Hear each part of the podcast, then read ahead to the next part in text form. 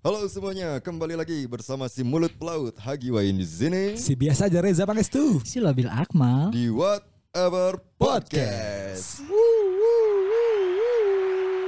Terima kasih untuk kesempatannya Box to Box Bandung telah mengizinkan makhluk yang hina dina ini untuk recording di studio yang sangat mewah, Mewah banget. mewah sekali. Proper ya, proper. Proper sekali. Proper sekali. Kebetulan kita juga ada di jadi finalis di Box to Box Pitch Bandung. Yoi. Untuk kategori grup. Untuk katanya grup. Kenapa ya? Karena kita kemarin ngebahas Bandung. Bandung. itu senjata andalan. ya.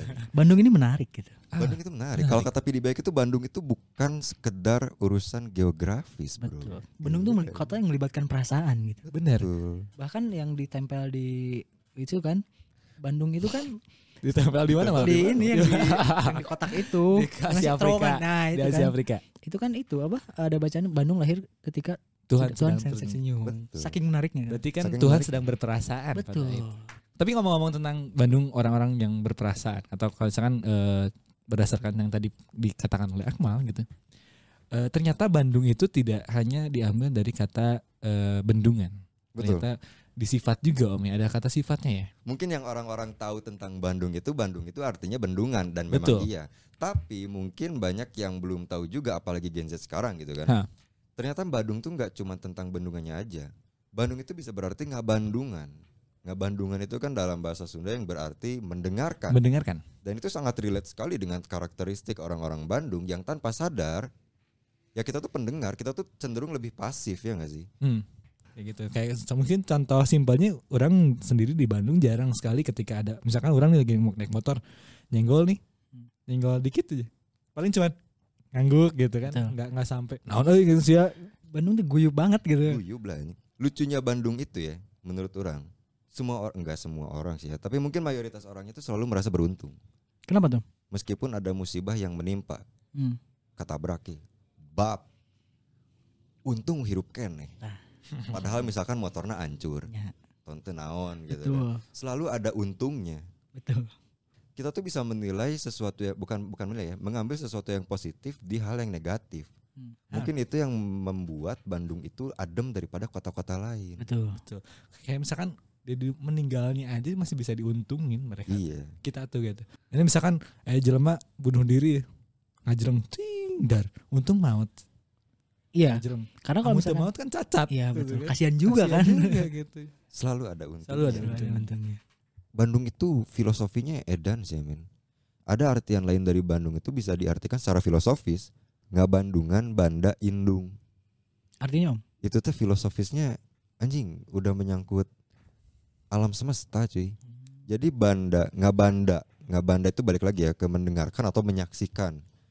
Banda, Banda itu sesuatu, eh, sorry, semua hal baik itu yang makhluk hidup atau makhluk mati yang keberadaannya tuh ada di indung.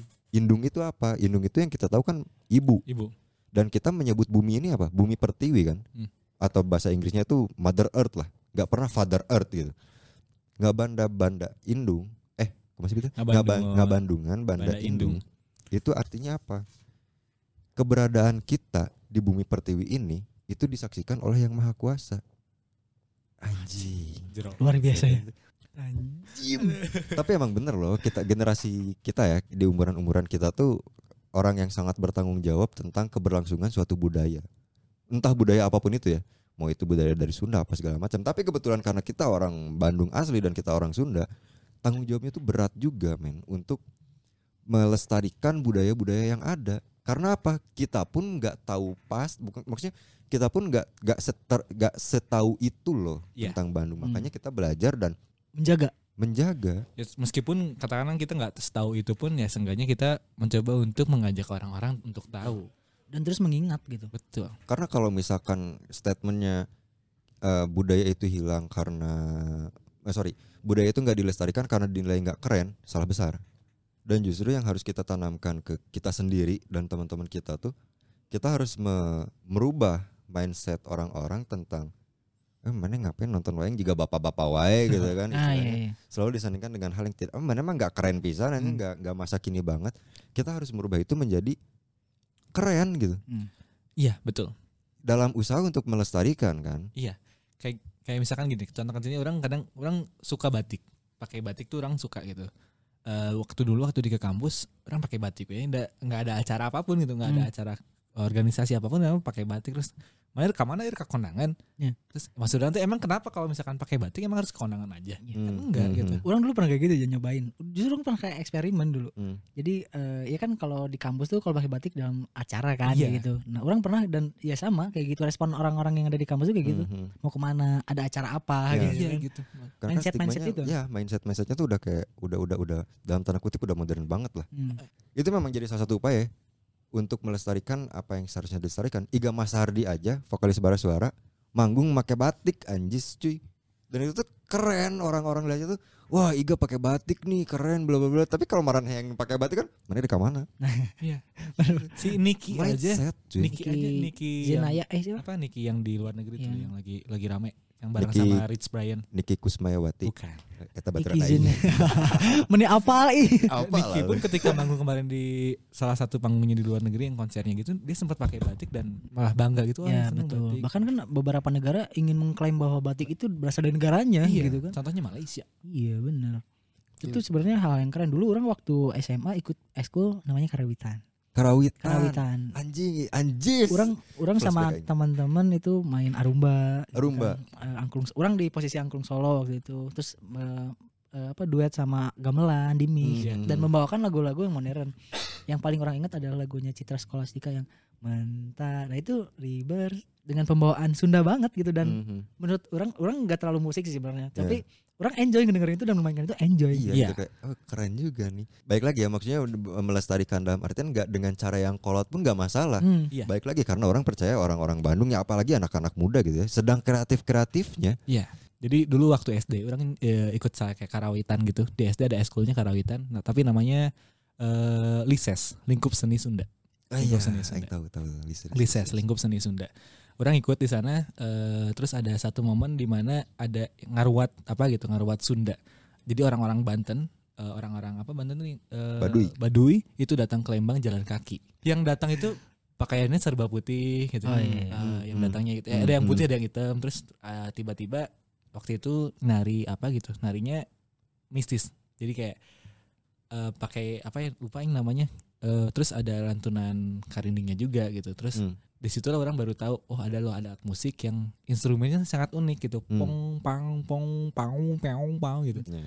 Kalau ngomong tentang si mistis yang tadi gitu.